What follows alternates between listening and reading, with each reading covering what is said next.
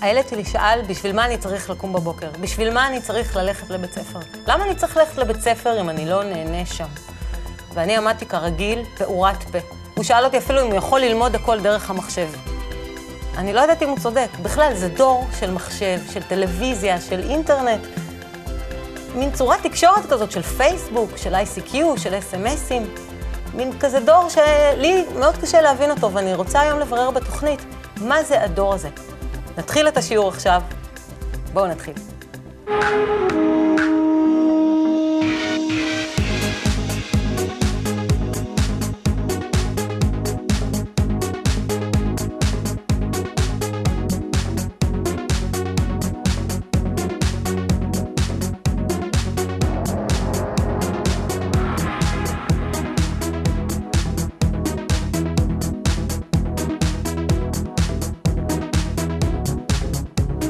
אז אין ספק שכולם מרגישים שכולנו שונים אחד מהשני, ההורים והילדים. למה קיים הפער הזה בין ההורים לילדים? ככה אנחנו בנויים, האגו שלנו הולך ומתפתח וגדל, הרצון שלנו ליהנות מהעולם. וזה לא בא לידי ביטוי רק בהיבט הטכנולוגי, שהילדים שלנו היום קולטים הרבה יותר מהר את כל השמות האלה שדיברת עליהם, ועוד הרבה דברים שאנחנו... שרק לוקח זמן לזכור אותם. שצריך לשאול את הילדים איך אה, קוראים להם. אה, אלא השאלה שלהם, השאלה שלהם בשביל מה כל זה, למה כל זה קיים, מתבשלת הרבה יותר מהר היום. מאשר ההורים. מאשר ההורים, מאשר הגיל שבהם, שבו ההורים שלהם התחילו לשאול את השאלות האלה. דווקא בגלל שיש להם כל כך הרבה שפע, אז מאוד, מאוד מהר באה השאלה, בשביל מה כל זה? מה אני עושה עם כל זה? איך אני באמת יכול ליהנות מזה? וזה ביטוי של האגו שהולך וגדל מדור לדור. ואז קיימת סוג של חוסר הבנה בין ההורים לילדים? ודאי, כי זה, את יודעת, זה ערך מוחלט. האגו, נאמר, הגיע, בין הדור הקודם, בין הדור שלנו, נאמר, להורים שלנו היה ערך של אחד, היום בינינו לבין הילדים זה כבר ארבע. כבר אה, מבחינה ערכית, אה, הרבה יותר קשה להדביק את הפער הזה. טוב, אני... ולכן נוצר נתק. אני בתור הורה, ויש לנו ילדים שמחכים לנו כדי לשמוע תמיד את דעתם. בואו נלך למועצת הילדים. קדימה.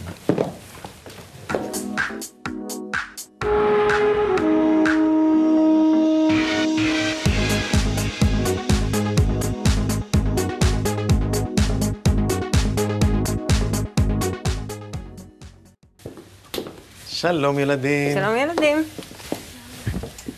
באנו לבקר אתכם היום. מה שלומכם? בסדר. אנחנו נתחיל בלהציג אתכם.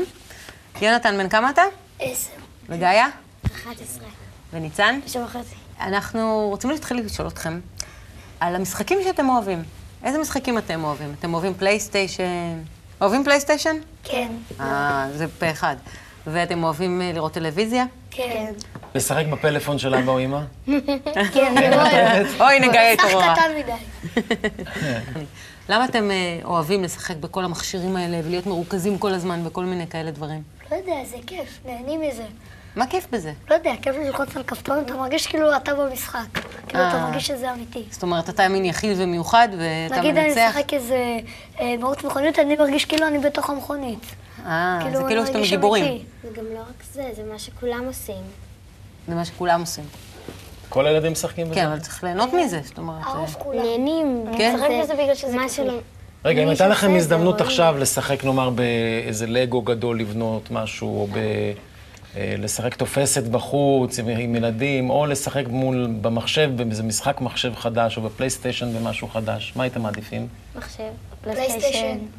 טוב, אוקיי, אין- תשמע, אין הרבה מה להגיד. אין, אין. מה שנשאר לנו זה לעבור לקטע משחק, שאתם, אה, אנחנו מצפים מכם, בתור מועצת הילדים, לפתור לנו את הבעיה, אז אתם צריכים להקשיב היטב היטב, ואנחנו נצפה בזה. מה קורה? אולי תשחקו איתי מונופול. את שומעת? אני לא, אני חייבת לספר לך זה לא משהו. מה זה דחוף? אני אני בדיוק, קורל, תשחקי איתי מונופול. אני בדיוק, אני בדיוק במסנג'ר איתמר, את יודעת מה הוא אמר לי? אחר כך, אחר כך. כן, נו, קורל. די, באמת. קורל. לא. תשחקי איתי מונופול כבר. נו, איתמר, מה מעבר אני כבר חוזר אליך. סליחה, לא, לא, שלום, שלום ילדים, סליחה רגע, הגענו, שלום. אתם לא שמים לב, כאילו, מה קורה פה? מה קורה פה בבית? כאילו, מה, לא אכפת לכם פה? תנתקי רגע את הטלפון, אני עכשיו מדבר. לא, לנתק, לנתק את כל המכשירים רגע. לא, לא, לא, לא בלחץ. לא בלחץ. לא, מה לא בלחץ? אני פה כמעט שברתי את הראש מה... לא בלחץ, ילדים, איתמר, תקשיב. תקשיבי, תקשיבי גם את. אני לא יכולה ככה. תראו איך הבית? נראה. מה זה? לא אכפת לך, לא אכפת לך שהמקום הזה נראה ככה? אני לא דיר מבין. חזירים, פשוט דיר חזירים. אני בגילכם, אתם יודעים איך אני הייתי מסדרת את הבית? הייתי שוטפת אותו ארבע פעמים ביום. מה זה אני מעניין? ביום רגיל קבוע הייתי שוטף את הבית. זה מעניין, זה מאוד מעניין. לא הדור שלנו עכשיו יש דברים חדשים. אנחנו לא דורשים מכם שום דבר שאנחנו לא דורשים מעצמנו. אז למה קניתם לנו את זה? אה, דרך אגב. אה, מה קנינו לכם? את זה, המונופול. אני לא הולכת יותר לבית ספר. זה היה במבצע. סליחה, סליחה, סליחה, מה? מה אמרת? אני מעדיפה לעבוד, לא להרוויח כסף, לא רוצה ללכת לבית ספר. סליחה? אין מי ייקח כזה, אותך סליחה, מה זה? לעבוד? מה? מי ייקח אותך מה לעבוד? זה- מה זה לא כן. רוצה ללכת את לבית ספר? מי שואל לעבוד, אותך כן. בכלל? תפסיקי רגע עם הטלפון. תפסיקו רגע עם המכשירים שלכם כבר, כן, די, כי הרתחתם לנו את המוח עם המכשירים האלו. תקשיבו בלי רגע. לחץ, אתה זוכר את הקורס? בלי לחץ. לקחתי אוויר. אה, בלי לחץ! בסדר, תירגע. אני נרגעתי. תשמעי שנייה. אם את לא תלמדי, את יודעת מה יקרה? את יודעת מה יקרה? את יודעת, תעני לי. את יודעת- כסף. מה תרוויחי? איך תרוויחי כסף? איפה תעבדי? איפה תעבדי? לא- לא- מי ייקח לא אותך? לעבוד? מה, את רוצה. לנקות רצפות? תפסיקי. את יודעת מה? תעבדי פה, תנקי פה. תביא לי כסף? הלו? כן, אבא? כן, רק שנייה. רגע. זה סבא, זה סבא. שקט. לכם? שקט רגע. מה? ש- שנייה, זה אבא שלי. אז מה, אז מה, אז תגידי לו לא עכשיו. לא, אבל הוא מדבר איתי על זה שהוא רוצה שאני אלמד את התואר השני הזה, וכדי שנוכל... ל- ואני אני לא יכולה, אני- אבא, אני לא יכולה ללמוד. די, כמה אפשר? אבל, אבל אנחנו ב... כן. לא, 85 זה. לא מבוגר, זה לא זקן, זה לא? מבוגר. סליחה. רגע, תנתקי את זה, אני פה באמצע, באמצע אנחנו. מדברים איתכם. אי אפשר שהבית יהיה במצב. כזה. אנחנו. עובדים, מפרנסים אתכם, ותראו מה אתם עושים. עכשיו, אני מבקש ללכת לחדרים שלכם, אני ואמא צריכים לדבר רגע לבד. הדבר הזה לא יכול להיות ככה. תלכו לחדרים. אבל... לא, ללכת לא, לחדרים. מה, תלכו לחדרים, תקשיבו לאבא. שלכם. מה שאומר תעשו. לא, לא, לא, את זה הם משאירים פה. בדיוק, כן. עכשיו, תני לי גם את זה. כן. את כל המכשירים שלכם, תוציאי גם מה- מה- מה- מהכיסים את כל הפלאפונים. אין לך יש שום איזה משהו? לא, את המונופול גם תשאירו פה. מונופול גם פה. תשחקו בעצים בחדר. תשחקו, צאו החוצה. תפסו לעץ צאו. החוצה. כן, בדיוק. אמא שלי עכשיו. אמא שלך? מה? מה העניינים? אוי, לא חסכתי לו. לא, אני... אמא, לא, אני לא יכול. נו, די, נו, מספיק, את מציקה לי, כל הזמן מציקה לי. מה? ילדים שומעים. הם לא... אה, לא, אני לא יכול לעבוד. ת- ת- בואי, בואי נלך לצאת. כן, אנחנו... אמא, אמא, אמא להתראות, אני חייב. לנתק, יש לי משהו מאוד חשוב. אני לא יכול לדבר איתך עכשיו. ילדים, אנחנו עוד מעט חוזרים. לא לעשות פה שום דבר, לא לגעת במכשירים. אה, לא, אני מדבר לילדים. האמת, הם נראים ממש לא מרוצים, אה? נראים הורים ממש אה, כועסים. אתם יכולים- יכולים להבין את ההורים האלה? כן. מה? לא יודע, אנחנו מבינים מרוב הצעקות והלחץ, אנחנו מבינים שהוא מעוצבן, כי כל בעיה שהילד עושה, ההור- ההורה צריך לטפל בזה. אם אנחנו מנקים, אה, כאילו אם אנחנו מפלגנים, אז ההור- ההורים תמיד צריכים אלה של לנקות. כל דבר שאנחנו לא עושים לו נכון, הם צריכים לתקן אותו. ולא- מה באמת הרגיז את ההורים כאן? שכאילו הדבר הרע שהם עשו, בגללם במקום, הם חזרו מהעבודה, עייפים ומוצאים לנוח, במקום לעשות את כל זה, הם פתאום צריכים לסדר את כל הבלאגן שהילדים שלהם עשו. כאילו, ההורה, אה, הוא מגדל אותו אה, עד, אה, עד שהוא מתחתן ועד עד שהוא גר לבד ויש לו ילדים, וההורה, מה, הוא, הוא, הוא גידל אותו כל השנים האלה, ופתאום הוא רואה שהוא לא, לא הצליח. מה אתה אומר, ניצן? אה, שקודם כל הוא כועס עליו, הם כועסים עליהם בגלל שהם הם הגיעו הביתה, הם רואים אה, בלאגן, הם לא יכולים אפילו אה, לעמוד. אז הם מתחילים לצרוח במקום לשחק ולהמשיך לבלגן, שלפחות יעזרו לסדר. והם פעם היו עוזרים ומסדרים במקום אה, אה, לשחק בפלייסטיישן, טלפון, לפטופ. זאת אומרת, אם הייתם עכשיו ההורים, מה הייתם עושים? אתם ההורים בסצנה הזאת שראינו לא כאן. הייתי צורח, הייתי מסביר אני- בשקט. אני הייתי נותנת בשקט לא שומעים אותך. כל אחד מרוכז בעולם שלו, בפלייסטיישן, בטלפונים, וזה לא שומעים אותך. ואחרי זה הם יגידו, אבל לא אמרת לי. לפחות אני לא צורחת. אני לא הייתי צועקת, הייתי אומרת להם שהם יכולים גם לעזור קצת, וכאילו, הייתי נותנת להם לעשות כל מה שהם רוצים, כל בתנאי שהם עוזרים. אני, ואם הם אמרו כבר, רגע, שנייה, אם הם אמרו כבר, אמרו כבר, תעזרו לנו, תעזרו לנו, תעזרו לנו, איך הייתם מסבירים להם? הם צריכים, אם כאילו הילד, כל אחד בחדר שלו, אפילו שלא נעים לראות שהחדר כאילו מבולגן, להורים אפילו, אז פשוט לתת להם, הם באיזשהו שלב יגיעו להבנה שכאילו הם יראו כבר הרמת בגדים על בגדים על בגדים עד שהם לא ימצאו את עצמם כבר ויהיה להם, ואז הם יצרכו על אימא, למה את לא מסדרת לי את החדר? ואז היא תגיד, החדר שלך באחריותך. זאת ואז השיטה של גאיה זה. לתת לדברים לקרות, והילדים כבר ישלמו את המחיר לבד מתוך מה אני- שקורה. אני כן? חושב כן. שעונשים לא, אף פעם לא עוזרים. כי מרוב העונשים הילדים כבר מתחילים להתעצבן. וההפך, הם, לא- הם מרוב שהם מתעצבנים ונמאס להם, הם הפוך, הם לא עושים את מה שאומרים להם. אני, אני צריכה מכם פתרון. אני, מה שאני ראיתי בקטע משחק הזה, שיש חוסר הבנה בין ההורים לילדים. הם לא מבינים אותם, הם קוראים להם זקנים, אומרים להם, אתם, אה, אתם לא מבינים אותנו, אז למה קניתם לנו את המשחקים האלה בכלל? וה, וההורים גם כן, ההורים אה, לא מבינים למה הם מתנהגים ככה. אני רוצה להבין איך לחבר בין מה, מה, מה לא בסדר שם. אה, מה בסדר, אתה, כאילו, הילדים הם כאילו בתוך המשחק, אם אתה אה, במקום אחר אתה לא יכול לשמוע על השני, אבל מרוב שהם משחקים בזה, הם כבר לא מרגישים בכלל שמישהו נמצא אוקיי. בבית. אבל איך מגשרים על הפער הזה שבין ההורים מה והילדים? תגיד להורים לעשות? גאיה? ההורים יכולים גם להגיע להבנה שגם הם היו ילדים פעם, ואפילו שלא היה להם את הדברים האלה, אם הם עכשיו היו ילדים, הם גם היו רוצים לשחק בהכל, הם פשוט, הם לא מכירים את זה, והם חושבים שהילדים של היום לא מעריכים את מה שעושים בשבילם. גלעד, איך אתה רואה את החוסר הבנה הזאת?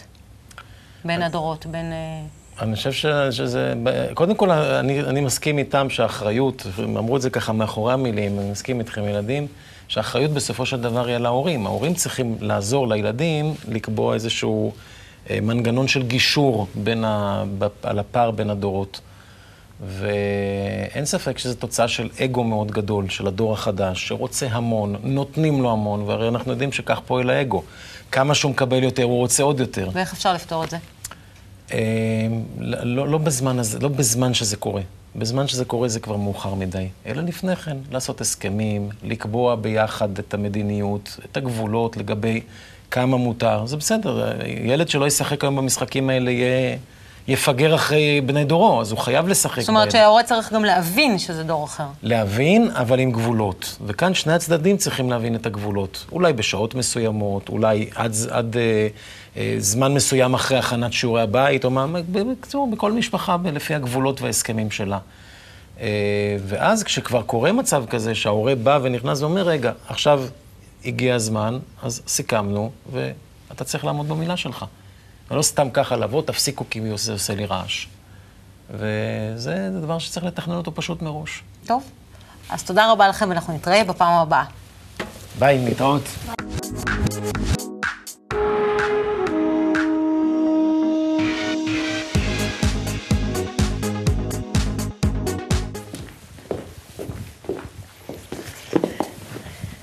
איזה. ילדים, אה? משהו. אז כבר מחכים לנו האורחים שלנו. האורחים שלנו היום, אה, שולי ויאיר אורן, מלי דנינו, מנכ"ל אגודת ניצן, יועצת חינוכית ומאמנת הורים, והיא תעזור לנו לפתור את אה, שאלותיהם של ההורים. אז קודם כל אה, נדבר על האימפרוביזציה שראינו, שמציגה לנו את הבעייתיות של הפער בין הדורות. מה אתם חושבים על הקטע משחק הזה? ריאלי? זה נראה, זה נראה מציאותי הדבר הזה, זה, זה לא משהו ש, שנראה שונה. יש שם כזו חוסר הבנה וכזה חוסר גישור בין ההורים. עד כמה זה קיצוני, מלי? עד כמה זה נראה קיצוני המצב הזה? אני חושבת שכמו ש, כמו שאתם אומרים, אה, אנחנו רואים שיש שם שחקנים, אבל אה, שמנסים קצת להגזים, אבל בהחלט מציגים מציאות אה, שאנחנו פוגשים אותה, והרבה, הרבה מאוד, בהרבה בתים, עם חוסר אונים מוחלט של ההורים. הרבה פעמים הורים שעושים את אותו דבר, פעם אחר פעם אחר פעם. הם עכשיו הולכים לשתות קפה ביחד, אולי הם יתעקצו עצה אה, חדשה, אבל במציאות אנחנו פוגשים את ההורים שחוזרים לאותו סט של תגובות, אה, ולא ברור למה הם חוזרים על, אותם, על אותו דבר, אם אה, שום דבר טוב לא קורה. אני חושבת ש... ואז מה הפתרון שזאת במצב כזה? ההזדמנות במצב כזה, קודם כל לעצור. זאת אומרת, אני מסכימה מאוד עם גלעד, עם מה, ש... מה שאמרת. אה, אני כהורה צריך לעצור, ואני צריך לחשוב, רגע, רגע, מה קורה פה? לנסות, לנסות להסתכל על, ה... על התמונה הזאת, על הסרט הזה מבחוץ, ולנסות לחשוב אה, איך אני באה אה, אל סיטואציה כזאת, אבל אחרת. מה שאנחנו רואים כאן, שבעצם אין כאן דיאלוג. אין כאן דיאלוג בין הורים לבין ילדים. הילדים, יש להם את הדיאלוג שלהם, אה, שהוא ברור להם, ולהורים יש את הדיאלוג, אה, באמת, אה, שלוקח אותנו לדור הקודם ולמה שהיה מקובל. ואיך אה, מגשרים אז. בזה? ה- הגישור הוא דרך הקשבה. ללמד את ההורים להקשיב אה, לילדים, להבין אה, את מערכת הערכים שלהם, שלפעמים זאת מערכת הערכים שהיא שונה ממערכת הערכים של, ה- של ההורים. לקבל את זה אבל- שהצרכים שלהם שונים? אה, לקבל את זה שהצרכים שלהם שונים, אבל אה, לקבל את זה שהצרכים שלהם הם מאוד דומים. זאת אומרת, גם הילדים רוצים שיקשיבו להם, וגם ההורים רוצים שיקשיבו להם. אומרת, וההקשבה צריכה לבוא ממקום שוויוני. ומה שאנחנו רואים כאן, שבעצם ההורים הם אלה שנמצאים במקום של המפקדים, לצורך העניין, הם אלה שיודעים מה נכון ומה לא נכון, ואין כאן שום שיח בין ההורים לבין הילדים, שבאמצעותו אפשר להגיע לסוג של הבנה אחרת, שמאפשרת לילדים גם את ההרגשה שמישהו מקשיב להם. אנחנו פוגשים הרבה פעמים אה, בניצן, אה, בעיקר בתוכניות של אימון הורים, אה, לאחר מפגש של הורה כזה עם הילד, שאנחנו מנחים את ההורים ואנחנו מבקשים מהם ללכת למפגש כזה, אבל לחזור עם משהו חדש. זאת אומרת, אם לא היה משהו חדש שלמדת על הילד שלך, כאילו לא קיימת את המפגש הזה. והורים חוזרים ואומרים שהייתה פגישה בלתי רגילה ושהילד פעם ראשונה שדיבר ואמר את אשר היה לו על ליבו. ואז זה מגשר ו... בעצם על, ה... על כן, הפער הזה, בזה שהוא מכיר את הילד שלו יותר לא טוב? לא רק מכיר, הילד מוצא את, ה... את הפרטנר, את השותף, את ההורה, שהוא יכול לדבר איתו, באמת, על משהו שמציק לו, על משהו שמאוד קשה לו איתו. אותו ילד שאומר לאבא, אה, בזה שאתה...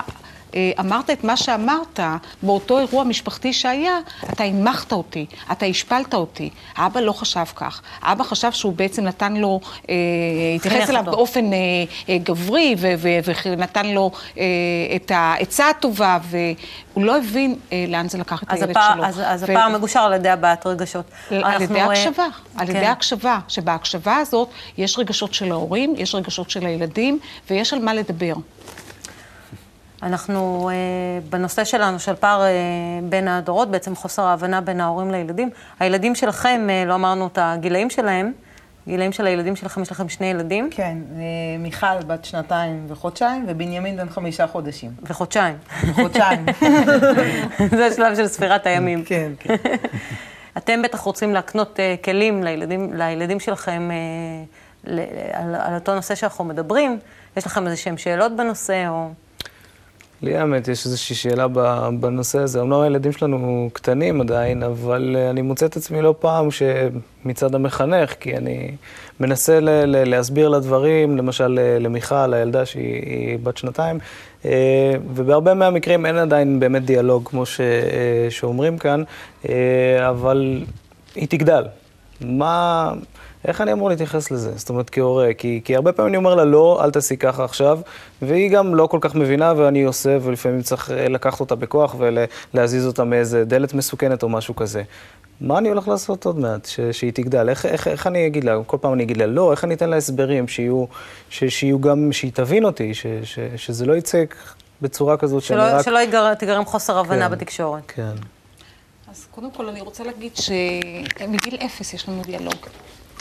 ואני יכולה עכשיו אה, לצפות בנכד שלי ולראות שאת כל הדברים שהיו שם, והוא לא ידע לבטא את הרגשות שלו ולהגיד את הדברים, שהיום אנחנו מתחילים לשמוע אותו מדבר על הדברים. אז קודם כל, שנתיים ושלושה חודשים, אפילו יותר, אה, ארבעה, אני חושבת. בגלל זה מיד היה לה הזדהות. אה, וזה פשוט מדהים, היכולות האלה שבאות לידי ביטוי ככל שהיכולת הוורבלית, המילולית, מתפתחת. הדיאלוג עם הילד מתחיל מגיל מאוד צעיר, בעצם מהרגע שהוא נולד. והדיאלוג הזה, בראש ובראשונה, מושפע מאיך אני כהורה מנהל את הדיאלוג הזה עם הילד. אז איך מנהלים? ואם אני מנהל את הדיאלוג הזה באופן שבו אני מדבר איתו, ואני מסביר לו, ואני אומר לו, ובסופו של דבר אה, אני גם מציב את הגבולות, ואני אומר לו, עד כאן, ואני אומר לו, לא. אה, אבל אני, אני עושה את זה רק אחרי שאני הסברתי לו למה אני אומר לא. חשוב uh, לומר בהקשר uh, הזה שההורים הם סוג של מודל, הם לא סוג של מודל, הם ממש מודל לילד שלומד איך מדברים. ושמתם לב איך שהילדים אומרים, למה הם צועקים? Uh, לדבר בשקט וללמד את הילדים להקשיב. וללמד את הילדים בעצם סוג של תקשורת ושיח שהם יוכלו לקחת את זה איתם אה, אה, לבית הספר ולחברת הילדים. ההורים הרבה פעמים אה, עושים את אותו דבר, הם מחנכים את הילד ואומרים לו איך לדבר. מצד שני, עם ההורים שלהם, הם מדברים באותו אופן שבו, הם, שבו הילדים מדברים כן, להם. כן, זה מאוד מאוד, והחלק, מאוד, מאוד בלט. החלק הזה הוא מאוד מאוד בולט, כי בעצם יותר ממה שאנחנו מסבירים מה צריך לעשות, הילד לומד יותר ממה שהוא רואה. וזה דבר שצריך לקחת אותו כבר מהגיל הצעיר. זה, מאוד יפה באימפרוביזציה, איך היא אמרה, אל תצעק, אל תצעק, וצעקה, כן? מה היא אומרת לו בעצם לילד? מה הילד מבין? נאמר אותו ילד בן שנתיים שעוד לא מבין מה, אומרים. הוא מבין את האינטונציה, את הלחץ, את ההיסטריה, הוא מפנים את זה, וכך זה הופך לשפת הדיבור שלו. אז לכן זה מאוד חשוב, כבר מהגיל הזה, לחשוב על זה, לראות את עצמכם כמודל לחיקוי. ככה הילד מבין וכך הוא ישמע. ואם אפשר למנוע, כאילו, לתת להם כלים מגיל כל- כך קטן, למנוע את הפער הזה בעתיד, את החוסר הבנה הזאתי? אני חושב שקודם כל, כל מה שמלי אמרה זה מאוד נכון, אבל בנוסף לזה הייתי שם דגש על נקודה אחת. הילד אה, לא אוהב פקודות. אם אתה אומר לו בלית ברירה, הוא רץ לכביש, אתה אומר לו, לא, זה אין ברירה, פה כבר צריך להבין שיש גם את הלא המוחלט. אבל אנחנו, יש לנו נטייה להנחית להם את ההוראות מלמעלה. ואני אומר, אנחנו בכללות, כי הוא ילד, הוא לא מבין, אז אני אסביר לו איך, נותנת לו פקודה. ילד אוהב עצה. ילד רוצה לשמוע את ההורה, נותן לו עצה חכמה, שהוא ישקול אם הוא רוצה לקבל אותה או לא, והוא יקבל אותה, ואז הוא ירגיש שזה בא ממנו. וזה, ייתן, וזה נותן הרבה פעמים, אה, אה, מניסיון, זה נותן גישור מצוין על הפער הזה בין הדורות. הילד צריך להבין שהוא הגיע למסקנה לבד, דרך זה שהוא הקשיב לעצה של אבא ואימא. זאת אומרת, אני צריך להגיד לו, לא כדאי לך לעשות ככה, או תראה את הסרט. תחשוב, אולי אתה יכול גם אחרת, אולי גם אפשר, גם בצורה כזאת, לא, לא בכל אולי מקרה. לתת כמה כן? אפשרויות. אז זהו, יש לי שאלה בעניין הזה. לי יש איזה חלום כאימא, שיהיו לי ילדים ממושמעים. שכל מה שאני אגיד וכל מה שאני ארצה, הם יקיימו. יופי, גם אני- לי. יו, אני יכולה כן, להצטרף לחלום? זה חלום, כן. ואני מבינה שככל הנראה זה לא יקרה בדרך הזאת. אני יכולה רק להפריע ולהגיד משהו, שהילדים הממושמעים האלה, זה לא ה- הילד הבוגר שהיית רוצה שיצמח ויהיה לתפארת ויהיה מוכשר ויצירתי. הייתי רוצה גם וגם וגם, ושהוא יהיה גם ממושמע. אז כנראה שזה לא עובד גם וגם כן. וגם, אוקיי. אבל נחזור. כן, אז השאלה, השאלה, אני מבינה שיש לנו רצונות אחרים, אה, רצונות שונים, והשאלה שלי היא, אני רואה, אני רואה אצל אחרים, אצל חברות שלי, אמהות שיש להם ילדים יותר גדולים, לפעמים שיחה, זה לא מעניין אותם. זה, מ- אין להם כוח לשמוע. האם יש דרכים אחרות להעביר להם את, ה, את מה שאנחנו רוצים, ואיך בכלל, אם אני יכולה ככה להשחיל עוד שאלה, איך אני אגרום לילדים שלי אה, אה, משהו, אם הם רוצים X ואני רוצה Y, איך זה קורה בכלל? גם בכלל, אני, יש לי ילדים יותר גדולים, אז אני רוצה להוסיף לשאלה שלך על הדרך, שהדברים הרבה פעמים, אה, בין, מה, ש, מה שאותם, כאילו, זה נראה, אתה דיברת על משמעות, אה, מהות החיים, ושהם שואלים שאלות אחר, אחרות, וזה נראה אבל שהם מתעסקים עם דברים נורא שוליים וריקניים. זה ככה נראה. בגלל שאנחנו מסתכלים עליהם מלמעלה. כך זה ייראה, הכל בעיני המתבונן. ברגע שאנחנו נקשיב וננסה לראות את העולם מה, מהמבט שלהם. אם הילד מתנהג בצורה מסוימת, זו תוצאה של השפעה של הסביבה שלו. אם זה בגן, בבית ספר, בבית, בכל מקום. הילד הוא בעצם אוסף של אה, מין צבר, תוצר, מעין אה, מוצא, נקודת אה, אה, התוצאה של כל מה שהוא אסף מסביבו. אם אנחנו נשפיע עליו בדרך הדוגמה האישית, אתם תראו שאותה שיחה אולי לא תעזור, ועוד שיחה ועוד שיחה, אבל פחות במלל. אם כבר לדבר, לשקול טוב טוב מה אני הולך להגיד לו. האם מה שאני הולך להגיד לו יישמע מהצד שלו, כמו שאני רוצה שזה יישמע, ולא מהצד שלי. לא שאמרתי, יופי, עשיתי וי, אמרתי לילד את מה שאני רוצה. אלא האם הוא מסוגל ורוצה לשמוע את זה. ואם אני אוסף את כל הנתונים האלה, בסופו של דבר אני בא אליו עם מעט מילים, אבל יותר בגישה של עצה, של בוא תראה את זה גם אחרת, והוא יבין את זה לבד. ושיחות, סתם שיחות, שאת יודעת, עשיתי שיחה עם הילד והסברתי לו איך הוא צריך להתנהג. הוא לא רוצה לשמוע, למה שהוא ישמע? אני חושבת שמה שהיה מאוד יפה בתוכנית, אנחנו ראינו שלילדים יש תשובות אה, מאוד טובות ופתרונות. וכשאנחנו מדברים על שיחה, והורה אומר, אני, הילד לא רוצה לשוחח איתי, אה, זה אומר ש, שההורה לא יודע איך לנהל את השיחה הזאת. ולנהל שיחה זה משהו שההורה צריך ללמוד. אנחנו מלמדים את ההורים לשוחח. קודם כל להקשיב, אבל אחר כך גם לנהל את השיחה עם הילד, וזה לא מובן מאליו שההורה יודע לעשות את זה. כי אה, אם אנחנו נצפה בשיחה כזאת, אנחנו נשמע שמי שמדבר שם זה יהיה ההורה. ומה שראינו כאן בתוכנית, שהיו שאלות קצרות, והתשובות היו ארוכות של, ה, של הילדים. ובמקום שלא הפרענו להם, הם נתנו לנו יותר ויותר אינפורמציה מאוד מאוד חשובה. כי ברגע שאנחנו גם בשיחה מנהלים אותם, ושואלים עוד שאלה, ומכוונים אותם, זאת לא שיחה. תני לנו דוגמה כי לכיוון אנחנו, כזה. אנחנו תן לנו בעצם... דוגמה במלל, זאת אומרת אה, שלצופה בבית גם יהיה דוגמה. הרבה פעמים שאלות מאוד פשוטות, שאני שואלת את הילד אה, מה הוא מרגיש, למשל, או מה, מה הוא הרגיש, או מה הוא חושב, או מה היה שם, והוא יגיד, הוא יתחיל לספר לנו את הסיפור, ואנחנו לא, לא נרוץ איתו לסיפורים אחרים, כדי לשמוע עוד ועוד ועוד, אנחנו נרצה להעמיק בדבר הזה שהוא מביא איתו. ובאותו דבר שמאוד הרגיז אותו, אם זה היה בגן, או אם זה היה בבית, אנחנו נרצה להבין מה קורה שם. אני בטוחה שילד בן שנתיים, יכולת השיחה שלו היא, היא הרבה פחות מפותחת מאשר ילד גדול יותר. אבל כבר ילדים בני שלוש אה, וארבע, בוודאי ילדים יותר גדולים, אפשר כבר לשוחח איתם. ולשוחח איתם זה לא אומר שאנחנו משוחחים איתם על כל, אה, על כל ההוויה ועל, ועל כל מיני דברים, ורצים איתם מדבר לדבר. לדבר, לדבר איתם על אותו עניין ולהעמיק בו עד כמה שניתן. יותר ויותר ויותר. למשל, ולנסות- אה, אמרת דבר מאוד יפה, אה, שואל- שואלים אותם, מה אתה היית עושה במקומו? אם היית במקומי, מה היית עושה? או אם היית במקומו, מה היית עושה? אחד הדברים הנפלאים שהילדים שם אמרו, זה לא לצעוק. קודם כל לא לצעוק. שלושתם הסכימו על זה שצריך להיות איזשהו פתרון, אבל לא בצעקה. ואם רק נשמע את זה, נבין שכנראה שהילד, הצעקה לא עושה את השירות, לא נותנת את השירות. בסופו של דבר ההורה צועק, והוא כועס, והילד נעלב וכן הלאה. אולי אפשר להגיע לזה אחרת. אז, ו- ושלושתם הסכימו על זה.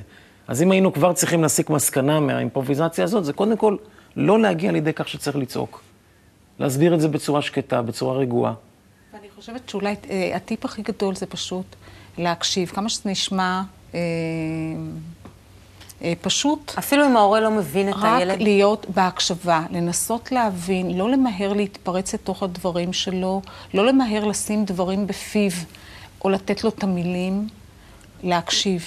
מה הוא רוצה להגיד לנו, ולהקשיב לא רק למילים, להקשיב על איך, איך הוא אומר את הדברים ובאיזה טון הוא אומר, ומה הוא מרגיש, ומה היה שם, ומה כאב לו בדיוק, ומה בדיוק הפריע. לפעמים הורים חוזרים אלינו אחרי שיחה ואומרים, אני לא ידעתי שהילד שלי בודד. יש לו כל כך הרבה חברים, אז איך יכול להיות שהוא מרגיש בדידות? ועובדה היא שהילד דיבר על אני הבדידות רוצה שלו. לשאול, אבל אם בסופו של דבר, אחרי הדיאלוג, ובאמת, אה, בוא נגיד, אה, תמונת מצב שאנחנו באמת השתדלנו להשתמש בכלים האלה שאתם נותנים לנו, הרצונות מנוגדים. אני רוצה X ואני ההורה, אני הגדול, אני גם יודעת שזה יהיה יותר טוב לה, אבל היא רוצה Y מהמקום שלה. מה בכל זאת? איך זה נגמר? אני אה, מכריחה אותה, אני מסבירה לה למה במקרה הזה אנחנו, הרצון שלי הוא זה שיגבר. איך בכל זאת, אם, אם, אם לכבד את הרצון שלה, הרצון שלי יגבר. אני חושב שזה האתגר הכי גדול, שאלה מצוינת, כי אה, בסופו של דבר את צריכה לשאול את עצמך, "אי, אני רוצה X והיא Y, איך אני אגרום לה גם לרצות X? לא איך אני אכפה עליה לעשות X כי אני חושבת אוקיי, אז ש-X הוא קודם כל נכון. אני, אני מבינה שאני שאולי זה צריכה לא- שהיא זה לא תרצה את X הרצון. ו-Y. ויכול להיות, יכול להיות שיש לה פתרון אחר. אולי, את יודעת, הרבה פעמים בדיון, שעושים דיון, את- נאמר שאת עושה את זה עם מבוגרים, לא עם ילדים. גם קורה מקרה שאת רוצה X ומישהו אחר רוצה Y, איך פותרים את זה אז? גם אז את בטוחה שהפתרון שלך הוא נכון ושאני לא מבין מהחיים מנסים שלו. להגיע לעמק השווה, משהו כזה למשל. יפה. זאת אומרת, חסר לנו כבוד כלפי הילדים. חסרה לנו הערכה כלפי הדעה שלהם, כלפי זה שאולי גם הם צודקים. מתוך הבנת השוני גם? אני חושבת שיש גם דבר נוסף. הילד שלנו בא לעולם הזה עם הרצונות שלו ועם הבחירות שלו. וחלק מהעניין זה לכבד גם את הבחירות שלו, גם אם הן לא נראות לנו. ויכול להיות שהוא בוחר היום אה, באלף, ובעתיד הוא יבחר בבית. אבל אם אנחנו נהיה מאוד עקביים במסרים שלנו, בערכים שאנחנו מקנים לו, במודל שאנחנו מספקים לו, רוב הסיכויים, לפחות מכל הדוגמאות שאני מכירה, שהוא יגיע למקום שאנחנו רוצים, ואפילו יעפיל מעל המקום הזה שאנחנו רוצים. רק מה שחשוב שאנחנו נהיה עקביים. אבל חלק מהעניין זה ממש ממש להיות במקום המכבד את הילד שלנו, גם כשהוא ילד צעיר, אה, כמובן לשמור עליו, כדי שלא יהיה במקום של, אה, של סכנה, כדי שהוא יהיה במקום, של, במקום בטוח. אבל למעט מהמקום הזה, הבטוח שאנחנו צריכים כהורים לספק לו, לתת את הכבוד. לתת לו את, האפשר, את הכבוד ואת האפשרויות גם לטעות וללמוד דרך זה, כי מה קורה כשהורה שומר כל הזמן על, על הילד ורק מכוון אותו? זה ילד שהגזרה ש, שלו היא הרבה יותר מצומצמת. לכן יש משהו שאנחנו כהורים צריכים ללמוד, ואנחנו צריכים להבין שלפעמים זה לא אותה נקודה שאנחנו רוצים להביא את הילד. יכול להיות שיש איזושהי נקודה שהיא מעבר ל, לרדיוס שבכלל חשבנו עליו. שזאת הנקודה שאליו הילד הזה רוצה להגיע. אני נאלצת לקטוע את הדיון. ושאנחנו עם איזה שהן תובנות למה שהילד שלנו לוקח אותנו, הוא ייקח אותנו למשהו מעבר לתפיסה שלנו. ואנחנו צריכים להגיע, להבין שאנחנו חיים בדור שיש לו, בשבילנו ההורים, אה, שיעור מאוד גדול ללמוד. הזמן שלנו קצר. אה, אנחנו נסיים. אני מודה לכם מאוד. תודה רבה, מלי. תודה רבה, שולי ויאיר. תודה. אנחנו רגע לפני, אנחנו נסכם ונראה עם איזה כלים יצאנו היום.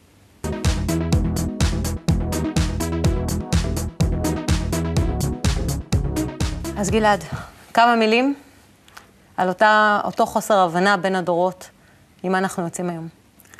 קודם כל שמענו המון עצות נהדרות, גם ממלי וגם דרך ההורים ודרך הילדים עצמם, ואני חושב שהקו, השורה התחתונה היא באמת לכבד את הילדים, להעריך אותם, לדעת להקשיב להם ולא לבוא אליהם מלמעלה, אלא לבוא אליהם בגובה העיניים, לשמוע איך הם היו רוצים לשמוע את העצה שלנו.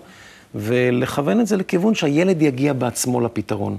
ואז אנחנו, אה, זאת אומרת, אם אנחנו נוריד את עצמנו לגובה של הילד, אה, אה, הורדנו, השלמנו את הפער הזה, את מה שנקרא פער הדורות, ויכול להיות שבאמת, כמו שמלי אמרה מאוד נכון, יכול להיות שנגלה שבעצם עלינו למעלה ולא ירדנו למטה, כי למדנו מהילד ויש המון מה ללמוד מהילדים. אז הרבה כבוד. הרבה כבוד, הערכה, הקשבה. ומוכנות לבוא אל הילד, לשקול טוב טוב, שההורה ישקול טוב טוב את ההתנהגות שלו, את, את טון הדיבור שלו, את צורת הביטוי, האם אני באמת מהווה מודל שאליו אני רוצה שהילד יגיע, והכי חשוב זה לכבד ולהעריך את הילד ולבוא אליו עם עצה, לא עם הוראה ולא עם פקודה. טוב, הסתיים השיעור שלנו להיום. תודה רבה לכם. נקווה שתבואו איתנו גם לשיעור הבא.